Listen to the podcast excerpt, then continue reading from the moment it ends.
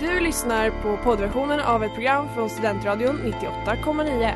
Alla våra program hittar du på studentradion.com eller där poddar finns. Av upphovsrättsliga skäl är musiken förkortad.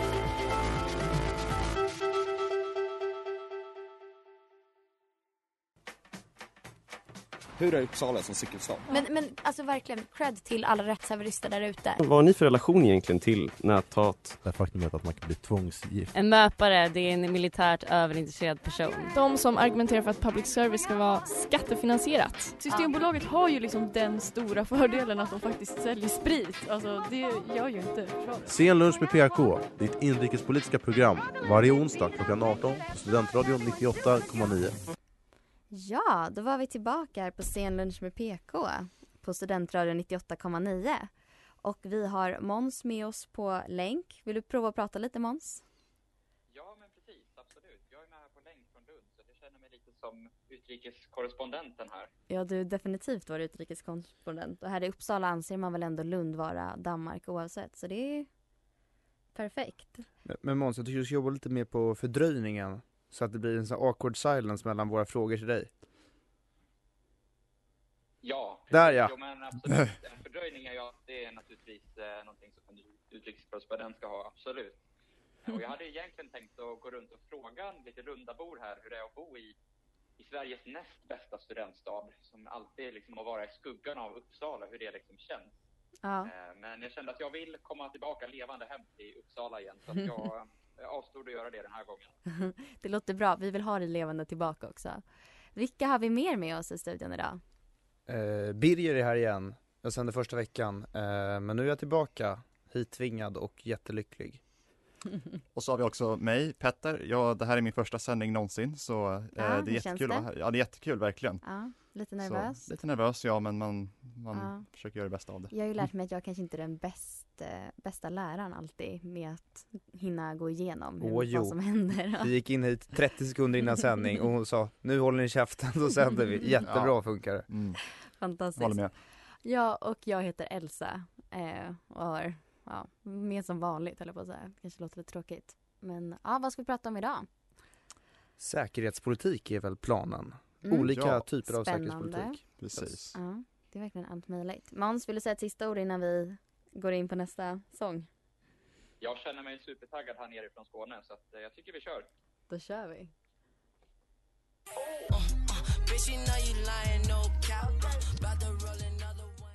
Och det där var Madden Tayo och Tori Yu Moy med Money Up. Och du lyssnar på Scenlunch med PK här på Studentradion 98,9.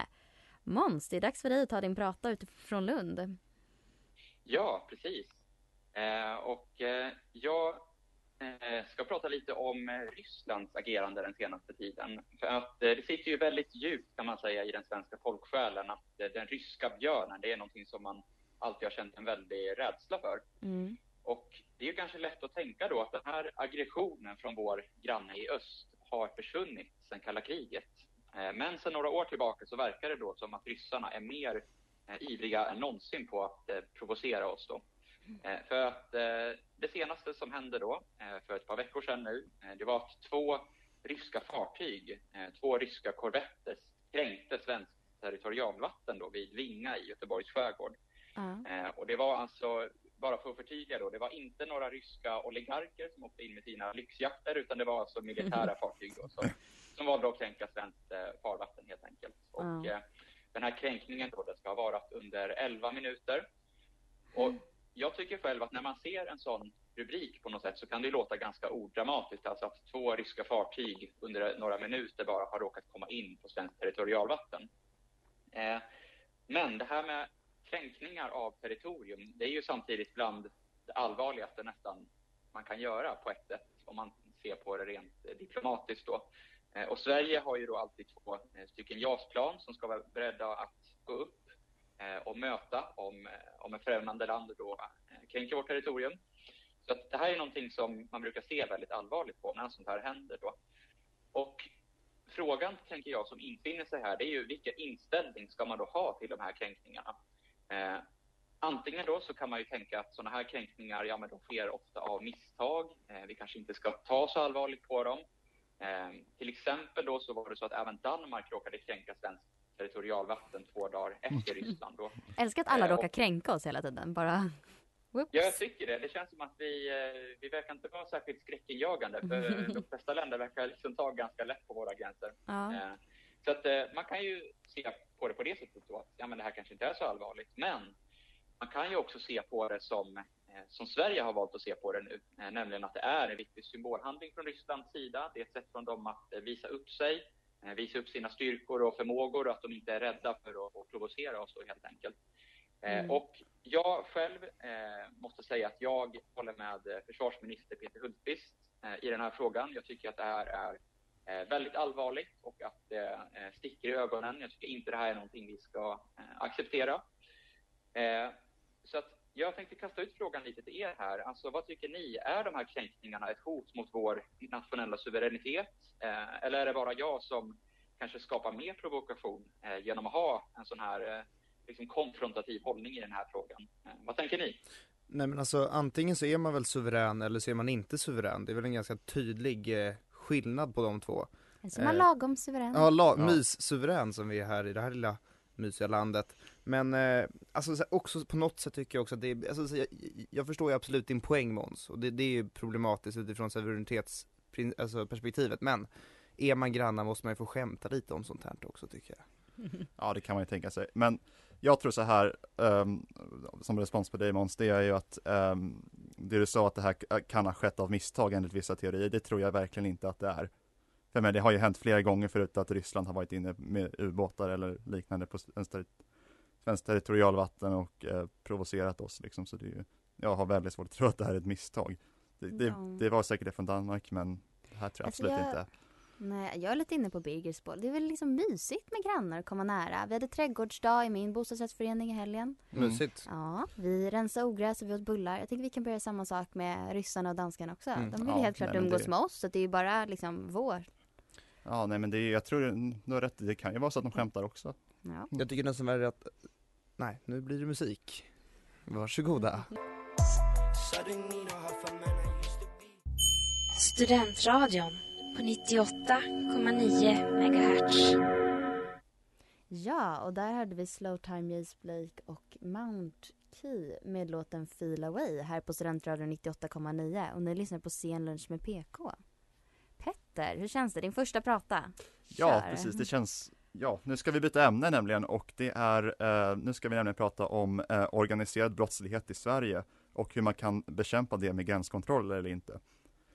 Så för att ge lite bakgrundsinfo så ehm, sker det ganska mycket eh, organiserad brottslighet i Sverige idag och eh, just nu ska vi fokusera på just stöldligor i Sverige. Mm. Ehm, och internationella specifikt. Ehm, idag så är det till exempel eh, ligger internationella stöldligor bakom 90% av alla stölder av båtmotorer, bilar och jordbruksmaskiner i Sverige. Det skäls ju till exempel 2500 båtmotorer per år av just dem. Eh, och Mm. 50% av alla inbrott görs också av deras ehm, av stöldligorna. Eh, och internationella stöldligor. Och eh, då kan man ju fråga sig varför håller dessa utländska på just i Sverige? Och eh, det är ju dels EU, ehm, alltså fria rörligheten inom EU. Och sen är det också Sveriges geografi, det är väldigt nära många länder där stöldligorna kommer ifrån, till exempel baltstaterna som bara är en färja bort. Men egentligen största anledningen som många argumenterar för det är att tullen inte har befogenheter att stoppa misstänkta stöldgods och eh, samma sak gäller ju stora summor kontanter som misstänks som penningtvättsbrott. Eh, så min fråga till er är nu, ehm, hur skulle ni egentligen tycka att vi löser problemet med de internationella stöldligorna? Alltså räcker mer befo- befogenheter till tullen eller är det kört med tanke på just Sveriges geografi eller EUs eh, fri rörlighet eh, eller att tjuvarna oftast är smartare än polisen i sig? Nej det är polisen tror jag som är grejen. Alltså Ja. som, alltså den fria rörligheten den är så pass bra så den, den, den kan man inte inskränka tycker jag. Men det är, det är väl polisen som, som ska ha mer resurser spontant, jag är inte så jättepåläst på just det här ämnet måste jag säga. Men, Men det är inte också så typ att gränskontrollen inte har så mycket befogenheter när det gäller att stoppa saker som är på väg ut ur Sverige? Ja, det, deras- nej, det är precis det jag sa, liksom till exempel misstänker, misstänker tullen att, det, att vid en färja att det är ehm, att han ser kanske fem båtmotorer i en skåpbil och får han, inte, får han inte stoppa den om han misstänker att det är stöldgods. Han måste ringa till polisen då, men de hinner inte komma. Mm. Så, och, eh, men Ja men det, det här är ju en väldigt svår fråga. Jag håller ju med Birger här att det är egentligen fler resurser till polisen som gäller men det är, det är lite frågan hur man skulle göra det och samtidigt också. Men alltså tullen i sig är väl en liten hittepå-myndighet tänker jag. Alltså, så här, jag och några polare var nere i Danmark och köpte sprit och då var det så här, då stod det på ett litet vackert visitkort att man bara fick ta med sig 10 liter in till Sverige. Ja. Det var ju, alltså vi, och vi hade köpt minst typ 50 liter och vi var skitnervösa, liksom hade förberett ett jävla tal där att det skulle se propert ut, det hände ju ingenting. Jag har smugglat tre kilo kött från Argentina. Det Och den, ingenting. den är Oj, fan aj, värre alltså. Det är min... Kött, Så- citattecken. Ja, Mm. precis. Så kriminell kommer jag aldrig bli kan jag säga. Mm. Nej. Ja, och där hörde vi Jenny med, eh, nej Soon Jenny med Mayhem. Här på Studentradion 98,9 och ni lyssnar på Scenlunch med PK. Eh, ja, Måns, känner du redo? Absolut. Och eh, någonting som alltid nästan är på tapeten skulle jag vilja hävda, det är eh, vår svenska hållning till vapenexport och vår vapenindustri. Eh, för det är ju så att Sverige eh, är ju som bekant en ganska stor producent av vapen och, och krigsmateriel. Eh, nu senast till exempel så levererade ju Saab då sina första JAS-plan till Brasilien. Så man har lyckats få dem att gå på export dit, till Sydamerika. Eh, samtidigt har vi Kockums som tillverkar ubåtar och vi har länge haft Bofors som har tillverkat kanoner och Hägglunds som har tillverkat bandvagnar.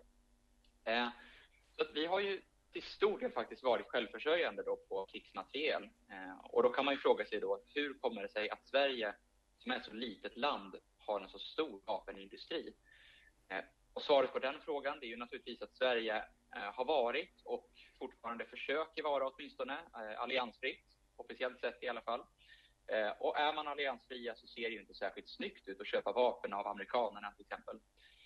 Och problemet som uppstår här då, det är ju att svensk vapenindustri kommer inte att kunna överleva om man inte får exportera. För att Sverige köper inte tillräckligt med vapen helt enkelt för att hålla upp efterfrågan. Och då är frågan, ska vi helt enkelt exportera till vapen? Eh, ska vi exportera vapen alls?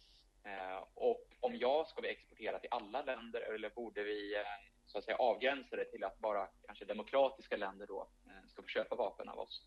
Eh, Så jag är lite nyfiken på att eh, ta tempen på er där, för vi pratade nämligen om, om ungefär det här för ungefär ett år sedan.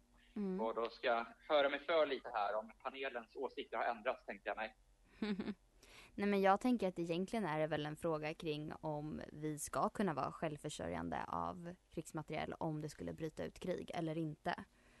För vill vi kunna vara det så är ju vår vapenexport ett måste. Ja exakt, och det omoraliska i sådana fall, alltså, vapenexporten kanske inte är det vackraste emblemet Sverige har på sin kostym. Va? Men, eh, men det är kanske det priset man måste betala om man ska ha så fina jaktplan som vi ändå har. Men samtidigt så tycker jag att, alltså det, som man sa, det finns ju, om vi ska sälja vapen till något, till något land så ska det ju liksom finnas en gräns på vilka länder vi kan sälja det till. Till exempel, vi säljer ju i nuläget till Saudiarabien som nu har folkmord mot Jemen och det tycker jag är oacceptabelt. Men, eh, men samtidigt så tycker jag ju att, alltså ska vi sälja det till vapen till någon så kan det ju vara eh, Ja. allierade. Men sen- om ni vet allierade. Ja men sen tänker jag att man säljer väl också liksom vapen till länder som liksom anses vara goda på något plan men ändå har ganska mycket shady business ändå. Att det är ganska svårt att vara moralpolis, vem som gör rätt med sina vapen och vem som gör fel. Måns, vad vill du? Ja, precis. Och jag tänker också att det svåra uppstår ju just där när man pratar om export till, till eh, diktaturer helt enkelt. För att eh, man kan ju sätta sig på väldigt höga hästar och säga att nej men vi, eh, vi ska markera mot Saudiarabien, vi tänker inte exportera vapen till er. Men frågan är ju då, kommer Saudiarabien att sluta köpa vapen för att vi väljer att inte exportera? Nej, kanske inte. Så att man får liksom inte låta, man får inte låta det bästa bli det godas fiende här. Alltså, förmodligen så kommer de ändå skaffa vapen och kanske är det då bättre, skulle man kunna tänka, att, att vi säljer vapen till dem än att ett annat land gör det. För då kan vi ändå använda det som någon form av diplomatisk kanal in i landet kanske och påverka inifrån. Eh, Nu, nu kanske jag låter som jag kommer från vapenlobbyn här, men det är alltså inte avsikten. Det, Nej. Sälj mer. Ja.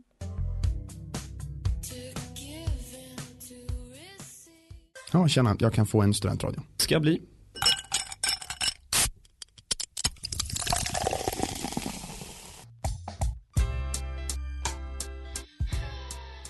Ja, och där hörde ni Sedona med Crying on my own och sen Funny Hughes med låten Icarus. Och du lyssnar på Scenlunch med PK här på Studentradion 98,9. Och det är dags för ett litet quiz om säkerhetspolitik som ej fungerat. Hurra!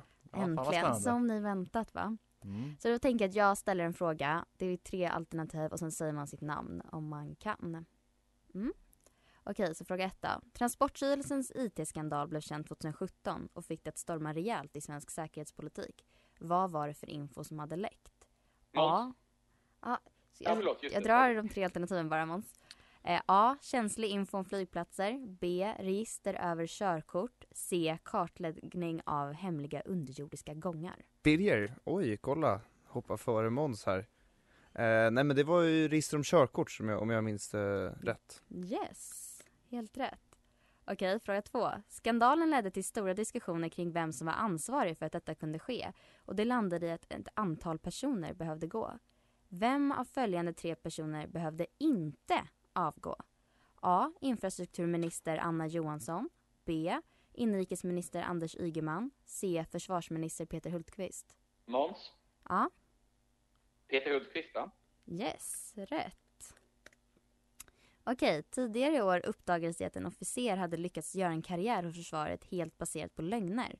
I hur många år hann officeren vara yrkesaktiv innan det kom fram? A. 10 B. 20 3, nej C. 30 Någon som gissar? Ja men jag... typ. B. Ingen aning. Rätt! 20 Ah, 20 år. år, Yes. ja, fan. Fan. Jag gjorde lumpen förut så det är inte ett under att man lyckas komma, komma iväg utan eh, utbildning. Hur många år hann du med baserat på lögner? Ja, sju månader, men jag tror kraven är ganska små för att få delta i Mhm. den myndigheten faktiskt. Okej, fråga fyra. Förra året skrev Lotta Engsell Larsson en artikel för Dagens Industri där hon kallade en av Sveriges flygplatser för Sveriges stora säkerhetsfiasko efter att det läckt en hemlig underrättelserapport som bland annat innehöll information om att personer med direkta och indirekta kriminella kopplingar jobbar och rör sig fritt innanför säkerhetskontrollerna. Vilken var flygplatsen som hon refer- refererar till? A. Landvetter B. Arlanda C. Malmö vad sjukt, jag har inte hört om det innan alltså. Men intressant Måns, ämne. Måns, vad säger du? Jag tror att det var Arlanda. Ja, rätt. Okej, 2019 gjorde Dagens Nyheter en lång granskning av Svenska kraftnät som är en beredskapsmyndighet och ansvarar för elförsörjningen i Sverige. Denna granskning resulterade i ett flertalet artiklar som med högst oroande information. Vilken av följande påståenden om vad som hänt inom Svenska kraftnät stämmer inte? A. Dåvarande generaldirektören gav ett uppdrag i miljonklassen till sin vän. B. En högt uppsatt chef på myndigheten har raderat dokument som begärts ut av Dagens Nyheter i deras granskning. C. Mutor ska ha förekommit i samband med outsourcing av delar av myndighetens verksamhet. Kom igen nu hörni. Mutor, säger jag.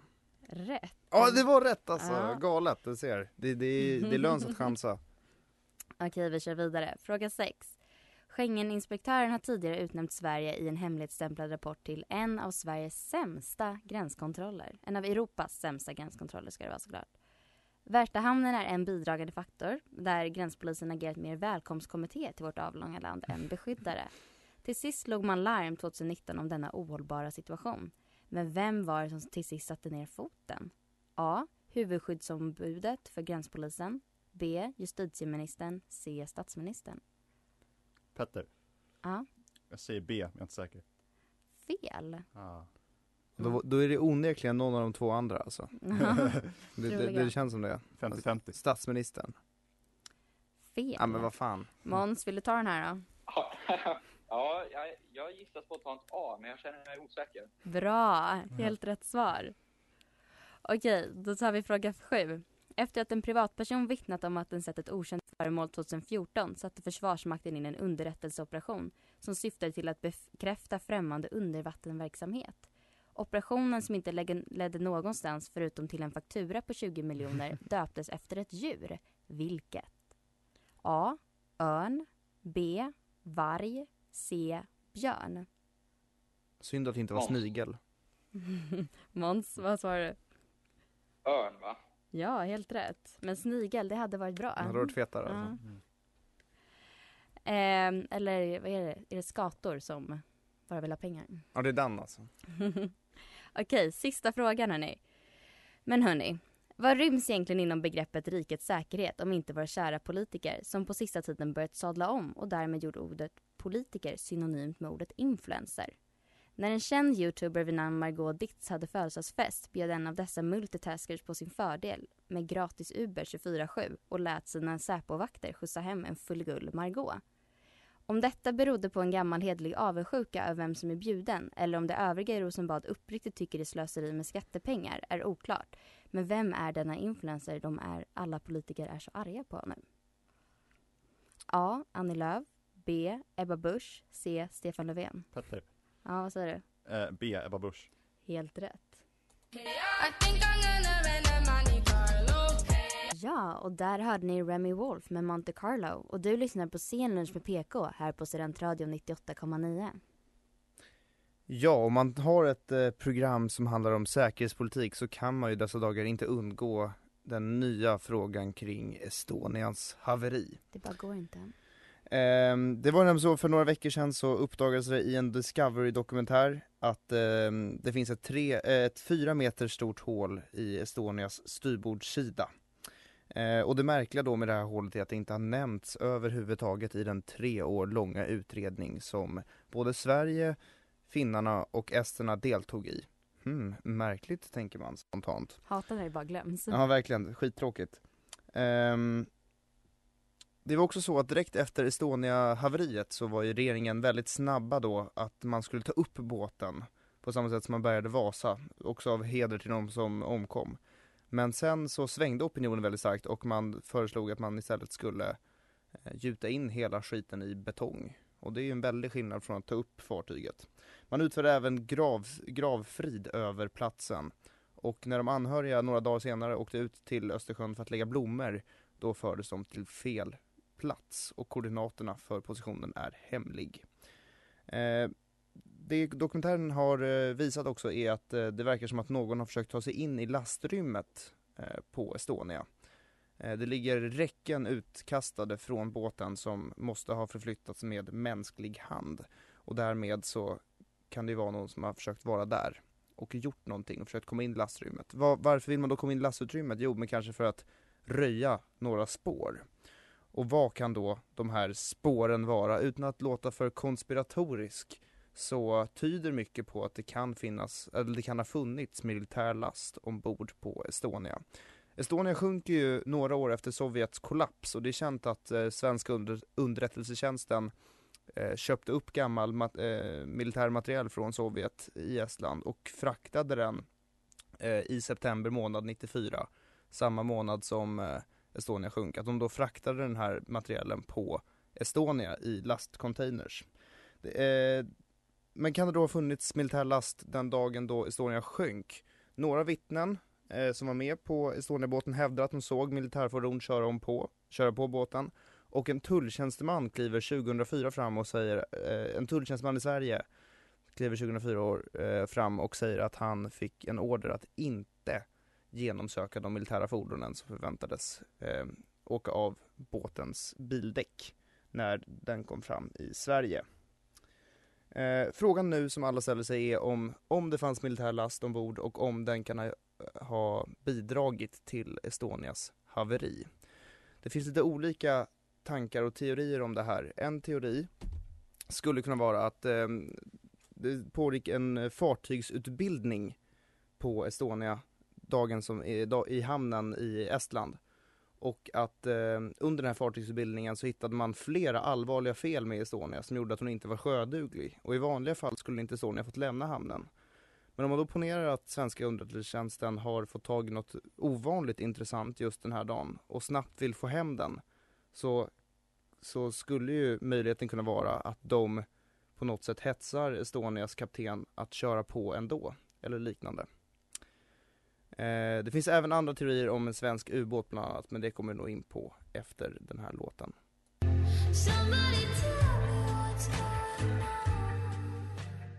Ja.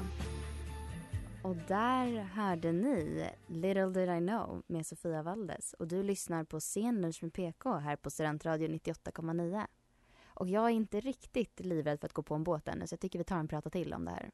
Ja, och nu är tanken då att vi ska öppna upp för lite diskussion kring ämnet Estonia. Det, det tåls att diskutera om. Är det någon som har någon spontan tanke kring eh, de nya uppgifterna och vad det kan innebära? Nej, Ja, alltså, Ja, kör Måns. Ja, men precis. Nej, men för, för det, jag tittade på den här dokumentären för ett par dagar sedan och den är ju otroligt intressant och ganska skrämmande också måste jag säga. Men den teorin som läggs fram där lite grann, det är ju då att det skulle ha varit en ubåt eventuellt då, som kan ha kört in i Estonia. Och det skulle då kunna förklara det här hålet som man har hittat nu då eh, och som inte var känt tidigare. Eh, samtidigt så tänker jag så här att den här ubåten i så fall, hur 17 kan den ha klarat sig från den här kollisionen och sen obemärkt tagit sig tillbaka in i hamn utan att det här har blivit känt? Att den har krockat in i ett stort passagerarfartyg. För mig känns det som att det blir otroligt svårt att, att dölja på något sätt. Eh, så att det är väl det jag tänker eh, lite grann. Att eh, en u- just ubåt kanske inte känns jättetroligt. Eh, och sen så finns det ju dessutom vittnesmål som säger att eh, det var alltså ett vitt, stort vitt föremål som rörde sig i vattnet i samband med att Estonia sjönk. Och man tror ju att det kan ha varit det här föremålet som orsakade hålet. Och vad jag vet så finns det inga militära ubåtar som är vita. Så att eh, just ubåtsspåret är jag kanske lite skeptisk till. Men det är eh, någonting som inte står rätt. Den saken är klar. Ja, det känns lite Operation Örnen över hela ubåtsdelen i storyn, kan jag hålla med om. Men jag- jag tror oberoende om eh, vad det var som sänkte det, om det har med en, med en eventuell militär last att göra, så är det ju rimligt att eh, regeringen försöker mörklägga det här. För det hade ju varit ett otroligt hot mot just rikets säkerhet som vi pratade om förut. Eh, nej men alltså om det kommer fram att eh, den svenska regeringen eh, risk, alltså sätter tusen civila människor i ett riskfyllt läge för att få frakta över lite missiler på en civil passagerarbåt. Det låter ju helt galet. Mm. Ja, nej, många länder skulle ju bryta relationen med oss. Ja men 100 procent, alltså det här, det är ju, om, om det finns militär last så, ombord så är det ju oerhört rimligt övervägt att man försöker tysta ner det. Och därmed är det lite olägligt att det kommer upp nu liksom. Ja, man har ju inte alltid varit väldigt konstigt att de inte ville ta upp båten. Jo. Eller liksom låta folk ligga kvar där nere. För det känns ju, sen kanske det är de som är missnöjda som alltid hörs mest. Eh, men det känns ju som att det var många anhöriga som verkligen inte ville Mm. ha kvar sina liksom, älskade nere på botten. Utan alla var väl, eller det känns som att många var väldigt för att ta upp båten. Och så ändå valde man att inte göra det. Bara det är ju lite, Nej och den ligger på 80 meters djup så att det är inte svårt att ta upp den. nej. Det, alltså, det är klart det kostar pengar men vad fan, det är också ett av Sveriges största trauman genom Ja. tiderna. Ja. Ja, alltså usch, om jag var död, jag skulle inte vilja ligga på botten av ett Nej, hav. fy fan vad äckligt Nej. alltså. Nej, men det var ju faktiskt i, Mörkt, alltså människan ser så äcklig ut också när den legat i vatten Mm. i några dagar. Tänk liksom år. Ja, nej, men det var ju faktiskt en rapport från några eh, brittiska dykare för några dagar sedan som jag läste. Eh, som sa att när de dök ner i december 94 så kunde de ju ha bärgat eh, 130 kroppar eller något, något som hittade men de eh, fick inte lov att göra det just på grund av eh, den här gravfriden eller vad det nu var som gällde just då. Mm. Men de fick inte ta upp dem i alla fall trots att anhöriga ville Ja. kan man säga. Ja, Måns, har du något mer att tillägga? Ja, nej men precis. För att istället då för att bärga och ta upp kropparna, precis som du säger Petter, så sa ju dykarna att vi, vi hade kunnat tagit upp de här kropparna och de var ju nere i fartyget.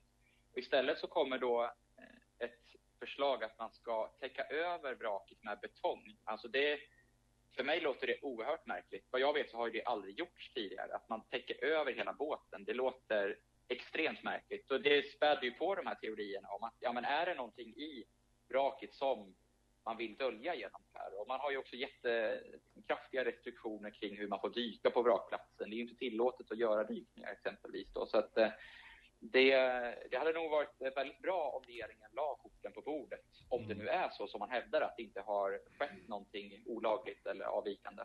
Ja. Precis. ja, för er som inte utnyttjat er gratisperiod på Dplay med att se The Real Housewives får skapa ett där och gå in och kolla på dokumentären. Ja, och där hörde ni Slow Pulp med Montana och du lyssnar på Scenlunch med PK här på Studentradion 98,9 som nu tackar för sig.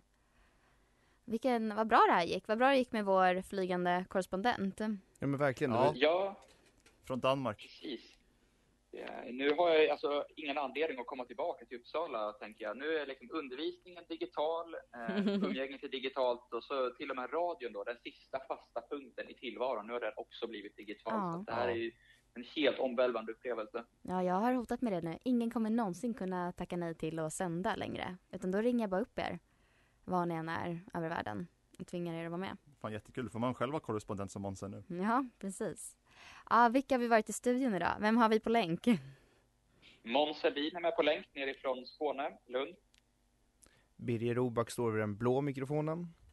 Petter Förberg med den gula mikrofonen är det. Ja, och eh, Elsa Josefsson som, gud nu höll på att säga medrattar, som rattar. Eh, det andra stämmer kanske också i och för sig. Men eh, vi tackar för oss. Tack så mycket. Tack. Hej svejs. Du har lyssnat på poddversionen av ett program från Studentradion 98,9. Alla våra program hittar du på studentradion.com eller där poddar finns. Och kom ihåg, att lyssna fritt är stort, att lyssna rätt är större.